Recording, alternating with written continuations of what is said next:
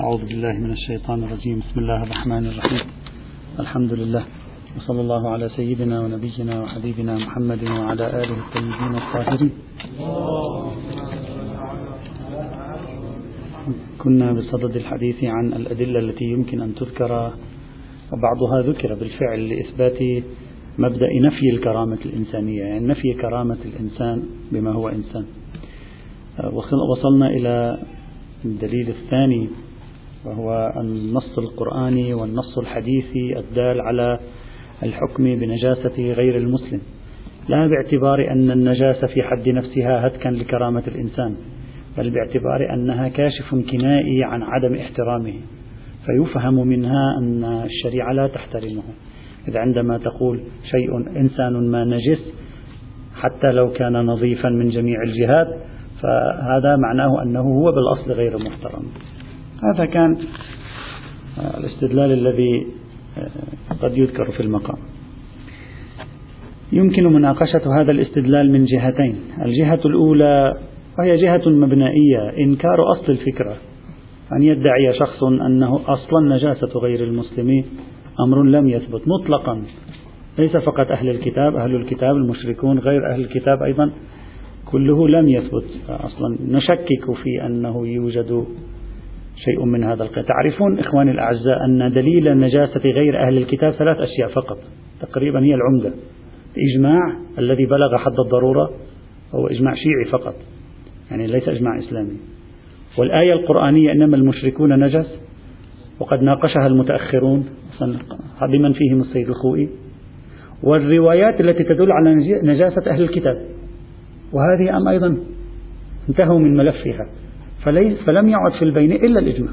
ولذلك أنت تلاحظ السيد الخوئي في بحثه ليس عنده من دليل عمدة على نجاسة غير أهل الكتاب. العمدة هو الضرورة والإجماع. والأمر واضح جلي لا نقاش فيه. لأن الآية لا, لا, لا يراها دالة على النجاسة. وبحث أهل الكتاب تعرف السيد الخوئي مستشكل فيه وله جملة مشهورة في آخر بحثه. الحكم بالنجاسة مشكل ومخالفة المشهور أشكل. هذه جملة مشهورة قالها الخوئي هناك. فلا يوجد شيء آخر. ليس عندنا أصلا رواية تقول المشرك نجس. يعني الرواية اللي في بالي الآن لا يوجد شيء من هذا القبيل.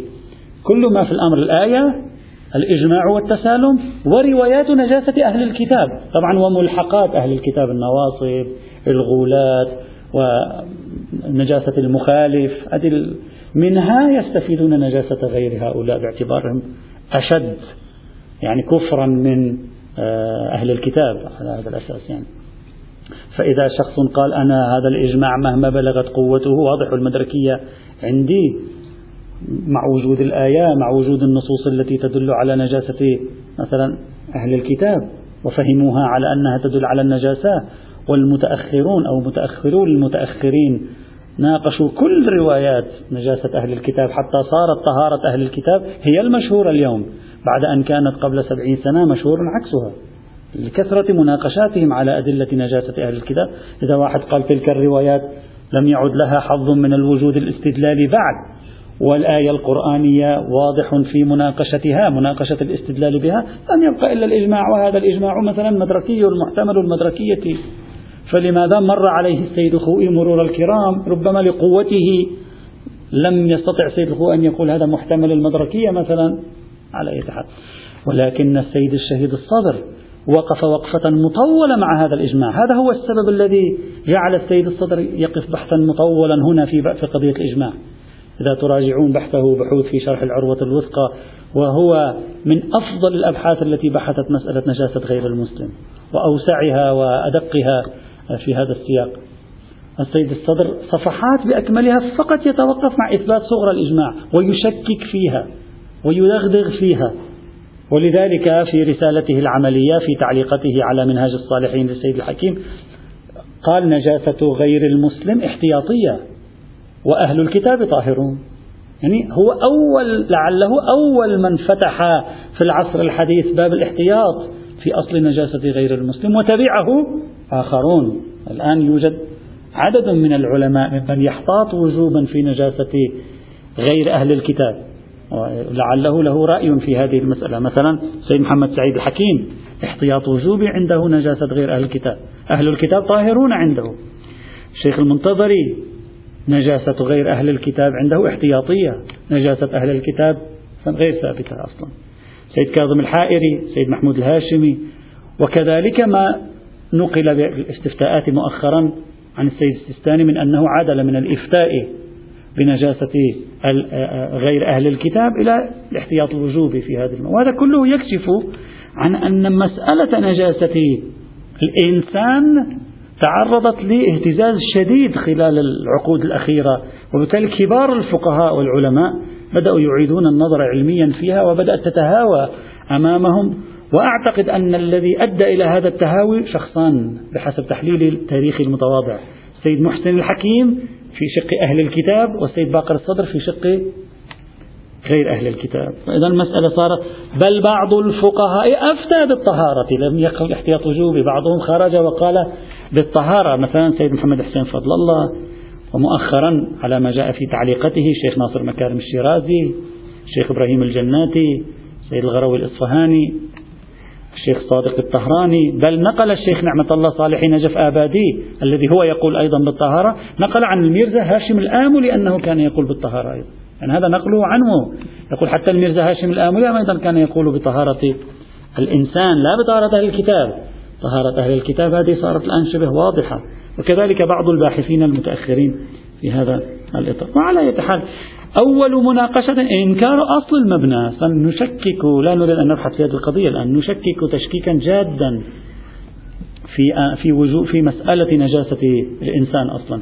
بل لعل الأرجح في هذا الإطار أن يقال بطهارة الإنسان وإنما النجاسة التي ذكرت في القرآن إشارة إلى النجاسة المعنوية لمكان كفرهم والنجاسة التي ذكرت في النصوص إشارة إلى تلوثهم بالمتنجسات. وعدم اهتمامهم بأمر النجاسات التي كانوا كانوا يختلطون بها مثل الخمر مثل الخنزير والفقاع وما شابه ذلك من الأمور التي هي نجسة مثلا عندهم. على أي حال هذا يعني مناقشة مبنائية لا, لا نريد أن ندخل في هذا البحث فإذا زال المبنى انتهت كل هذه المحاولة الاستدلالية. الجهة الثانية سلمنا أن غير المسلم نجس. هلا مطلق غير المسلم خصوص المشرك أو خصوص من هو غير أهل الكتاب بحث آخر. لكن سلمنا أن الجميع نجس. هل يمكنني أن أنتقل من الحكم بنجاسة غير المسلم إلى الحكم بأن الشريعة اعتبارا تعتبره غير مكرم؟ ولا حرمة له على الإطلاق؟ وهل في الحكم بنجاسة غير المسلم بالضرورة تعبير كنائي عن عدم احترامه أو لا؟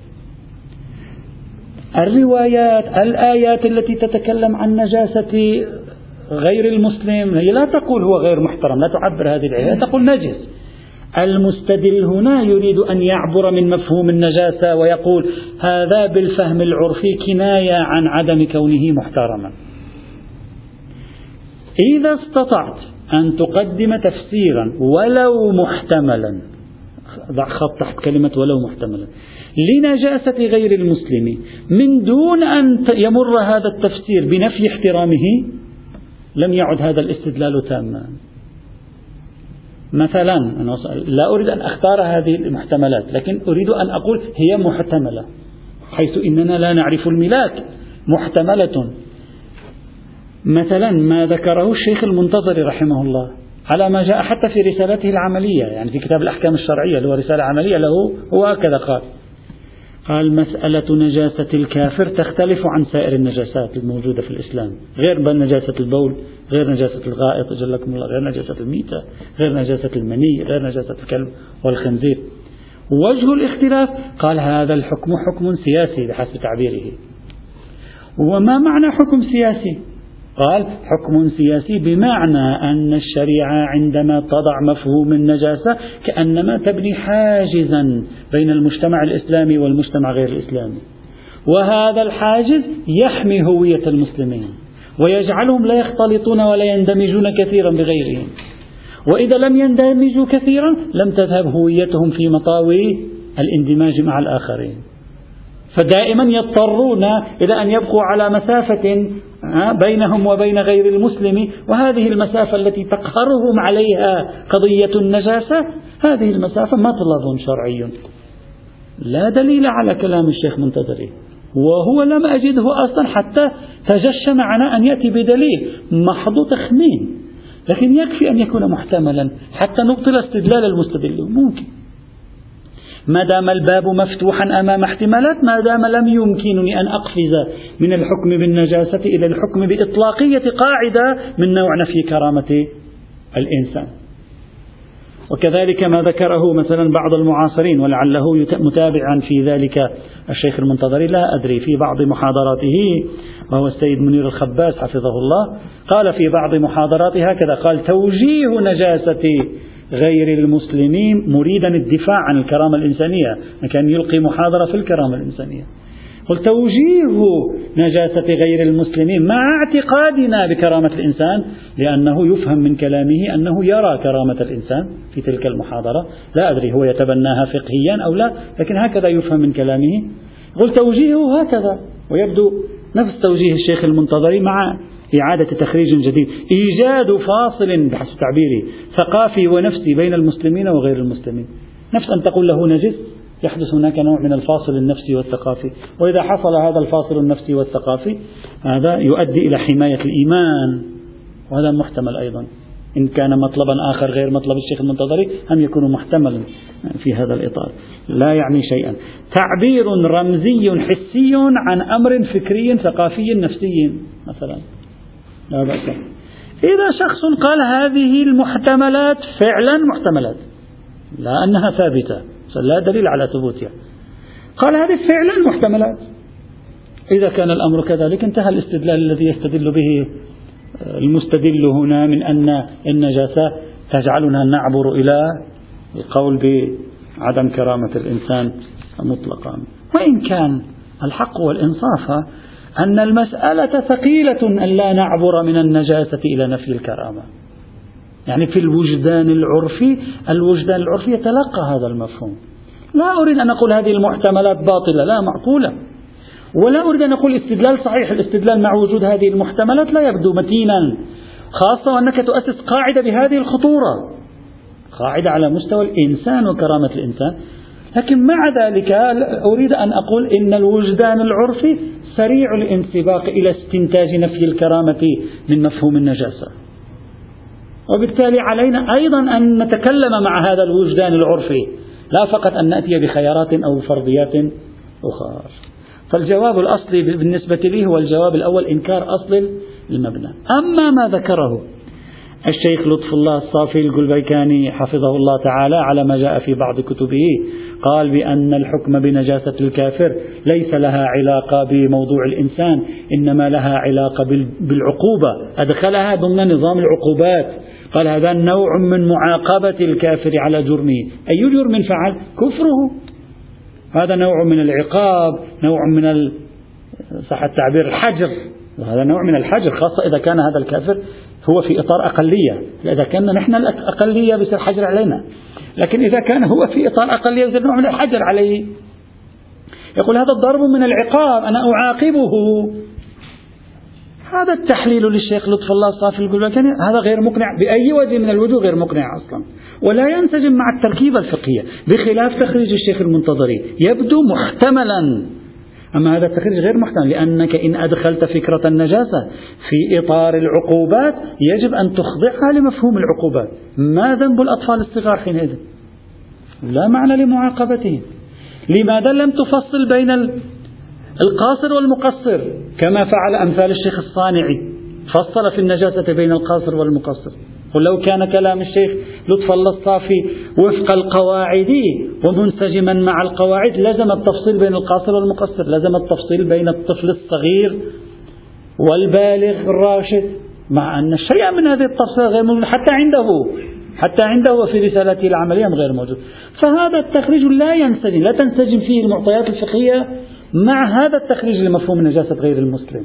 غير منسجم. بخلاف تخريج الشيخ المنتظري منسجمة. حتى لو لم يستطع الشيخ المنتظري أن يثبتها بدليل فهذا فارق بين محتمل الذي طرحه الشيخ المنتظري والمحتمل الذي طرحه الشيخ لطف الله صافي البلبكاني يبدو لي غير مقنع محتمل الشيخ لطف الله صافي. وعلى أي حال فهذا الدليل أي الاستدلال بنجاسة غير المسلم لإثبات نفي كرامته يمكن مناقشته من جهتين أولاهما في تقديري قد تكون أوضح من الثانية. والخلاف مبنئي الدليل الثالث التمسك بنصوص حقوق المسلم على المسلم أو حقوق المؤمن على المؤمن وهي نصوص كثيرة موجودة في الروايات المتعددة. إذا راجعنا نصوص حقوق المسلم على المسلم راجعنا حقوق نصوص المؤمن على المؤمن. النصوص حقوق وليس حقوق نصوص. نفهم هكذا أن الحقوق الطبيعية هي حقوق المسلم على المسلم أصلا. وكأنما لا هي نفسها هذه حقوق الإنسان. كأنما حقوق الإنسان تقدمها لنا الشريعة على أنها حقوق المسلم. فنفهم من ذلك أن ما تسميه أنت بحقوق الإنسان لم تقدمه الشريعة إلا على أنه حقوق الإسلام. وهذا تعبير ناف لمفهوم حقوق الإنسان بما هو إنسان. لأن نفس هذه الحقوق وضعتها الشريعة في باب علاقات المسلمين مع بعضهم ولم تقدمها في باب علاقات المسلمين مع غيرهم. ماذا تفهم من ذلك؟ تفهم من ذلك أن ما تسميه أنت بحقوق الإنسان ليست سوى إلا حقوق المسلمين مع بعضهم. وخارج هذا الإطار لا توجد حقوق. وضعها الإسلام أو قرأها أصلا في هذا الإطار. وبالتالي ما هو خارج الدائرة الإسلامية كأنما لا توجد فيه حقوق. وما فيه حقوق هو في داخل الدائرة الإسلامية. وبهذا التقريب يقال بأن الأصل في الإنسان أنه غير محترم إلا أن يدخل في عهدة الإسلام في عهد الإسلام في ذمة الإسلام أو يكون هناك ذمام بيننا وبينه. هذه المحاولة أيضا غير موفقة كما هو أعتقد يعني ينبغي أن يكون واضحا لأن مجرد أن النصوص ذكرت حقوق الإنسان بعضا من حقوق الإنسان على الإنسان ضمن حقوق المسلم على المسلم لا يوجب النفي. لا يوجب أن تكون نافية. خاصة وأن أكثر حقوق المسلم على المسلم ذكرت حقوقا هي فوق حقوق الإنسان الطبيعية التي هي مبحث الكرامة الإنسانية. فلعلها تريد أن تذكر حقوق المسلم على المسلم مما هو من حقوق الإنسان على الإنسان وزيادة. ولعلها تريد أن تذكر حقوق الإنسان لكن تريد أن تؤكد عليها في حقوق المسلم على المسلم. الآن مثلا أنت في أي بلد تكون الدولة تتحدث عن حقوق المواطنين على بعضهم آه، تجاه بعضهم البعض مع أن هذه الحقوق قد تكون حقوق الإنسان في كل مكان لكن مع ذلك تقوم الدولة بتسليط الضوء عليها لكي تركز حقوق الإنسان في علاقات المواطنين فيما بينهم. وهذا مطلب بالنسبة لها دون أن تنفي أن تكون بعض هذه الحقوق موجودة في علاقة المواطنين مع سائر المواطنين من آه، دول أخرى.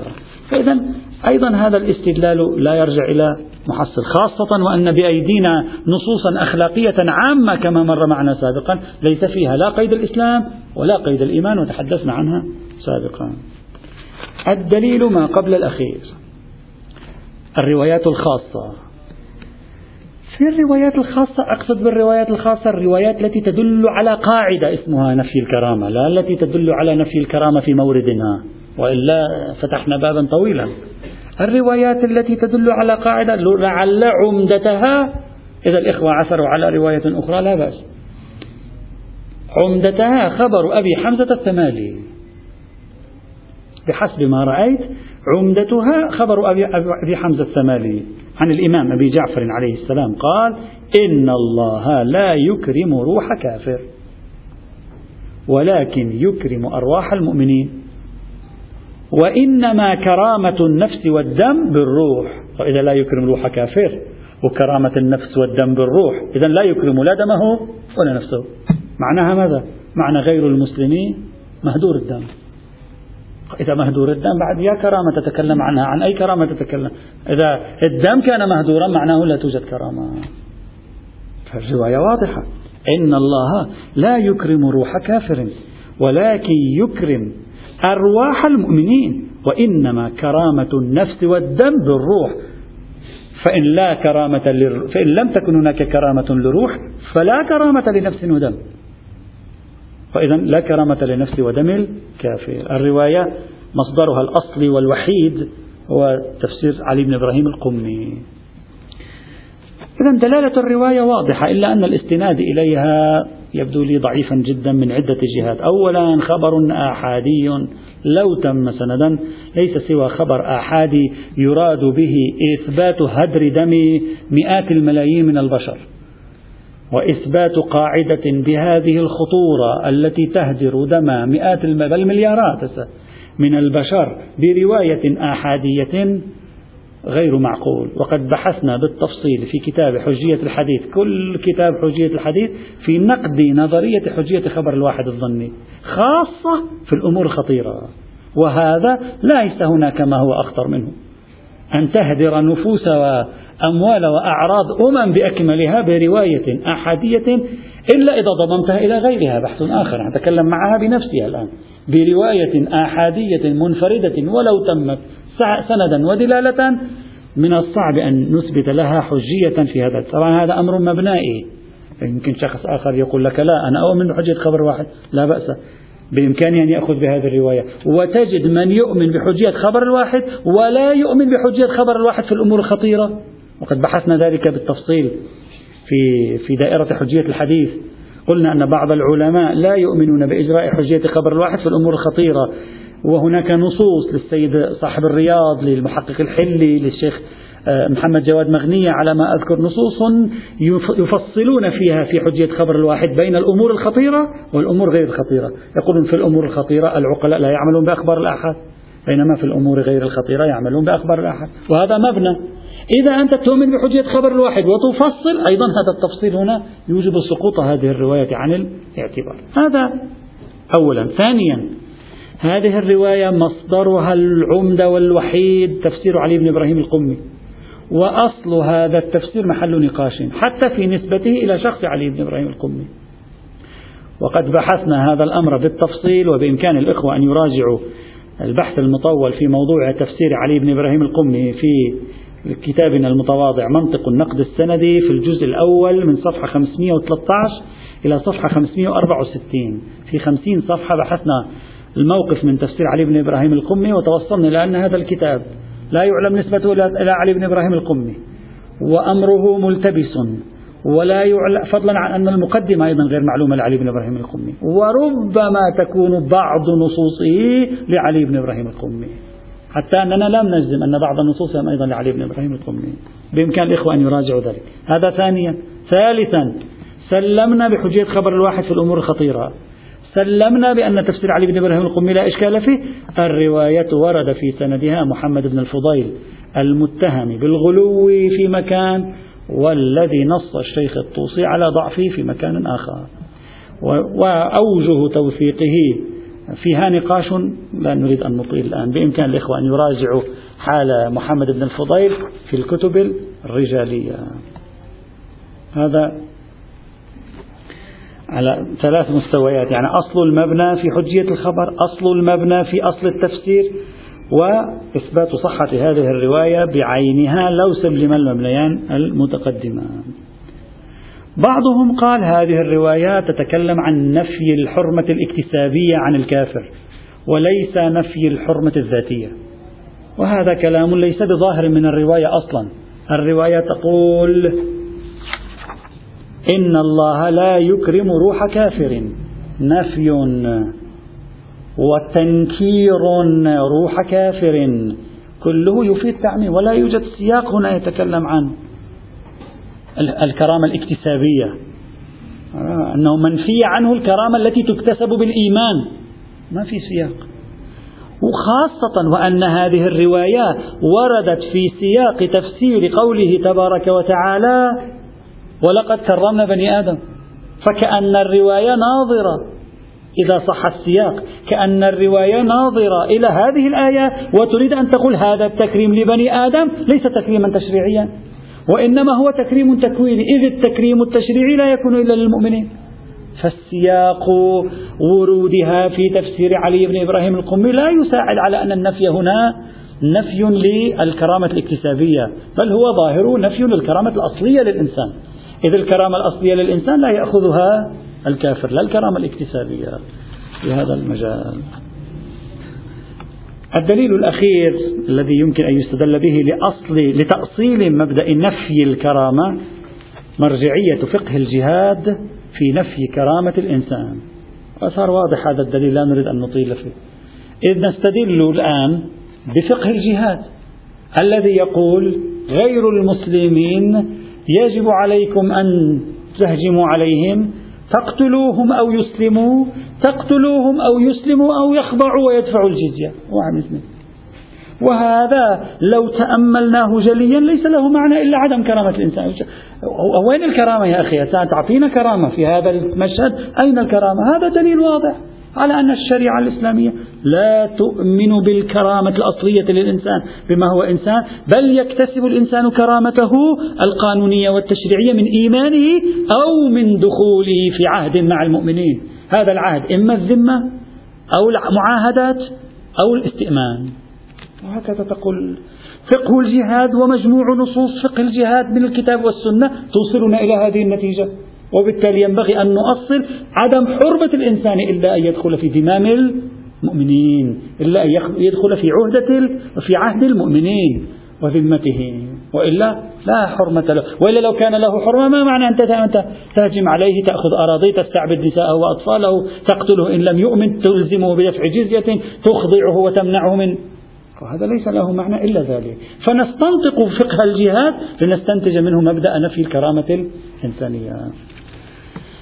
هذا الدليل يمكن أن نلاحظ فيه نلاحظ عليه إشكالين أساسيان الإشكال الأول مبنائي بحثناه سابقا في هذا العام وهو أنه أصل هذا التصور لفقه الجهاد الابتدائي غير صحيح ولا نعيد. بل ثانيا لو سلمنا أن فقه الجهاد يقول ذلك لا يدل ذلك على نفي الكرامة أصلا. لماذا؟ الآن هذا شوي غريب قد يبدو للوهلة الأولى. لا لو تأملنا ممكن أن نقول أصلا يمكن أن يجتمع مع الكرامة. كيف؟ بأن نقول الإنسان مكرم ولا يجوز العدوان عليه وله جميع الحقوق إلا إذا دخل ضمن خطاب الجهاد تنجز خطاب الجهاد معه. وخطاب الجهاد خطاب حاكم خطاب دولة خطاب مجتمع. فممكن أن يكون أفراد غير المسلمين هم محترمون. حال كونهم غير مسلمين. إن, إن جاء خطاب الجهاد وتنجز في حق جماعة منهم نقول الحاكم إن أصدر خطاب الجهاد الابتدائي صار هؤلاء بالنسبة إلى جيش المسلمين غير محترمين وإلا في الأصل هم محترمون. هذا عنوان إضافي. يعني قبل أن يقوم الحاكم بإصدار فرمان الجهاد الابتدائي ممكن يكونوا محترمين لا أقول محترمين أقول ممكن يكونوا محترمين. نعم بعد أن أصدر هذا الفرمان سلب عنهم الاحترام. وبالتالي لا يساوي تشريع الجهاد الابتدائي سلب احترامهم من الأول. هلا ممكن أن يجتمع. تصورنا نظريا ممكن أن يجتمع.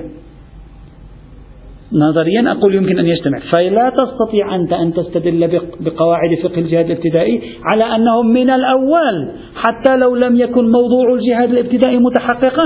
إمكاناته متحققة من الأول لا حرمة لهم. لا لهم حرمة. لكن الآن في هذه اللحظة تنجز وجوب الجهاد الابتدائي علينا تجاه هذه الجماعة. هذه الجماعة سقطت حرمتها. وهذا متصور. نظريا نظريا متصور. إذا لا تستطيع أنت بأدلة الجهاد الابتدائي أن تثبت أصالة نفي الاحترام. نعم نعم نعم.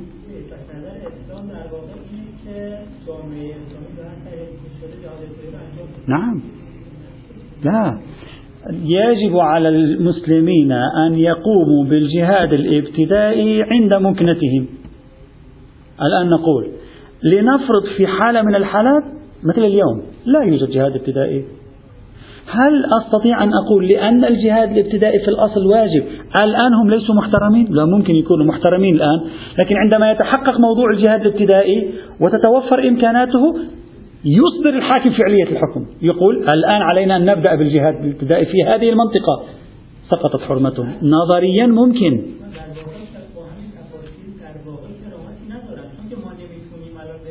فلا. أنت تصور معي فقط نظريا. هم لهم كرامة؟ إلا عندما تتطلب الظروف من الحاكم أو تتهيأ الظروف للحاكم أن يشن حربا عليهم. نظريا ممكن نظريا. الأدلة لا تساعد على هذا الافتراض لكن نظريا هذا ممكن. ممكن أن يقول يا أيها المسلمون لو دخلتم بلاد الكافرين هؤلاء محترمون ترى أموالهم محترمة لا تروحوا تسرقوا منهم لا تروحوا تختلسوا عليهم بالحسابات البنكية لا تروحوا تتلاعبوا بفكرة الكارتات وإلى آخره. لكن لما يكون موضوع ومحل الجهاد الابتدائي فعليا الآن الجهة التي أصبح الجهاد الابتدائي فعليا معها سقطت حرمتها. هذا معقول. لا أقول هذا مفهوم من أدلة وجوب الجهاد الابتدائي. قطعا لا يفهم من أدلة الجهاد الابتدائي هكذا. لكن لا يفهم من أدلة الجهاد الابتدائي بالضرورة عدم حرمتهم حينئذ. نستطيع أن نبتكر تصويرا يقبل بالجهاد الابتدائي ولكن في الأصل قبل الجهاد قبل فعلية الجهاد بإصدار الحاكم فرمانه يكون لهم حرمة حينئذ. حرمة معلقة على تنجز تكليف الجهاد الابتدائي في حقنا. هذا أيضا محتمل. لا ليست ذاتية. نحن لم نقل قلنا سابقا ممكن تصور أن هذا له حرمة ممنوحة له من الشرع. بما هو إنسان. نحن لا نتكلم عن حرمة ذاتية. الآن عندما نناقش هذه الأدلة نقول لا يوجد دليل على أن الشريعة لم تمنح الإنسان حرمة بما هو إنسان ولا نتكلم عن الذاتية هذا في بحث في دليل الحقوق الطبيعية فقط. يعني يصبح خاصية تكوينية تحتاج إلى آه، ولا ليس ذاتيا بهذا المعنى ذاتي بالمعنى القانوني لا ذاتي بالمعنى الحقيقي الفلسفي لا يمكن سلبه بهذا المعنى. هذا حاصل ما يمكن أن نطرحه في موضوع أدلة القائلين بأصالة الكرامة الإنسانية وأدلة القائلين بنفي أصالة الكرامة الإنسانية والنتيجة. الآن خلاص اليوم نخلص من هذا البحث نعطي نتيجة. نتيجة البحث. لم يظهر لنا أي معطى أو دليل نقلي أو عقلي حاسم يمكن أن يشيد عدم كرامة الإنسان بما هو إنسان تشريعا. أن الأصل تشريعا الأصل في المقاربة الفقهية والقانونية في الإسلام أن الإنسان من حيث الإنسانية ليس مكرما وإنما المكرم الإنسان من حيث الإسلام فقط. لم يثبت لنا دليل على قاعدة عامة عموم فوقاني أصل مرجعي يرجع إليه عند الشك. ما عندنا شيء من هذا القبيل. أصل في في نص في هذا الإطار. لكن في الوقت عينه ثبت تكريم التكوين للإنسان وهذا أدلته واضحة من الكتاب والسنة. لكن لم يثبت وجود قاعدة كلية عامة اسمها أصالة الكرامة الإنسانية بما هو إنسان. أيضا لم نستطع العثور لا على دليل قرآني عام لا على عام فوقاني في الحديث الشريف لا على برهان عقلي عام له صفة العموم. أيضا لم نستطع أن نثبت شيئا من هذا القبيل. كل ما استطعنا إثباته مبدأ الكرامة في الجملة. اللي هو عبارة عن الدليل الاستقرائي. الذي استطعنا إثباته فيما يتعلق ببحث الجهاد الابتدائي أن غير المسلم إن لم يعتدي على المسلمين فالأصل فيه أنه محترم من حيث الحياة حق الحياة ومن حيث مستتبعات حق الحياة. يعني كل شيء يعطيه حق الحياة فنحن لا نسلبه منه. لا يجب علينا أن نعطيه نحن لا نقول يجب علينا أن نعطيه لا نسلبه منه. لا لا يعني لا لا نستطيع أن نحرمه من الماء لا نستطيع أن نحرمه من الطعام من الشراب من العمل الذي يعطيه رزقا حتى يأكل فيعيش. من كل ما يسمى بمستلزمات العيش. العيش فقط. هذا ثبت لدينا في هذا الإطار. وثبت لدينا أيضا في هذا الإطار أن له قدر من الحرية الدينية لأن خاصة إذا كان خارج إطار الجغرافيا الإسلامية. هذا ثبت لدينا. أما غير ذلك فموكول إلى الأبحاث التفصيلية. يعني لابد في الديات نروح نكمل البحث. شوف هل هو متساوي. لابد في القصاص نروح نكمل البحث. هل في تساوي قصاص بين المسلم والكافر. لابد أن نذهب أيضا في ما يتعلق بالنجاسة. أشرنا إليها اليوم. هل هو نجس غير نجس؟ إلى آخره. لكن المقدار الذي إلى الآن أثبتناه بالبحث الفقهي هو أنه مكرم محترم من حيث حق الحياة أو من حيث حق, حق الحياة ومستلزمات حق الحياة وقدر من الممارسة الدينية. هذا إلى الآن ثابت. أما كلية لا لم نستطع أن نثبت هذا المبدأ الذي ذكروه. هذا تمام ما نريد أن نتكلمه في المبدأ الثاني وهو مبدأ الكرامة الإنسانية. المبدأ الثالث قاعدة سنصنفها قاعدة العدل والإنصاف ويلحق بها ما يسمى بالقاعدة الذهبية التي بعضهم حاول أن يخرجها كقانون فقهي. أحبب لنفسك ما تحب لغيرك واكره له ما تكره لها. أو بالأصل هي قاعدة العدل والإنصاف. العدل والإنصاف سيأتي أن هناك قاعدة في الفقه اسمها العدل والإنصاف. ذاك قاعدة العدل في الفقه ما هي وما الفرق بينها وبين قاعدة العدل هنا؟ سيأتي إن شاء الله بحثه سنبحثها بشكل مختصر لنرى هل مقتضى قاعدة العدل والإنصاف أو ما يعرف بالقاعدة الذهبية أيضا هل مقتضاها أن غير المسلم الأصل فيه أنه يحمل حقوقا أو لا؟ يأتي بحث إن شاء الله. والحمد لله رب العالمين.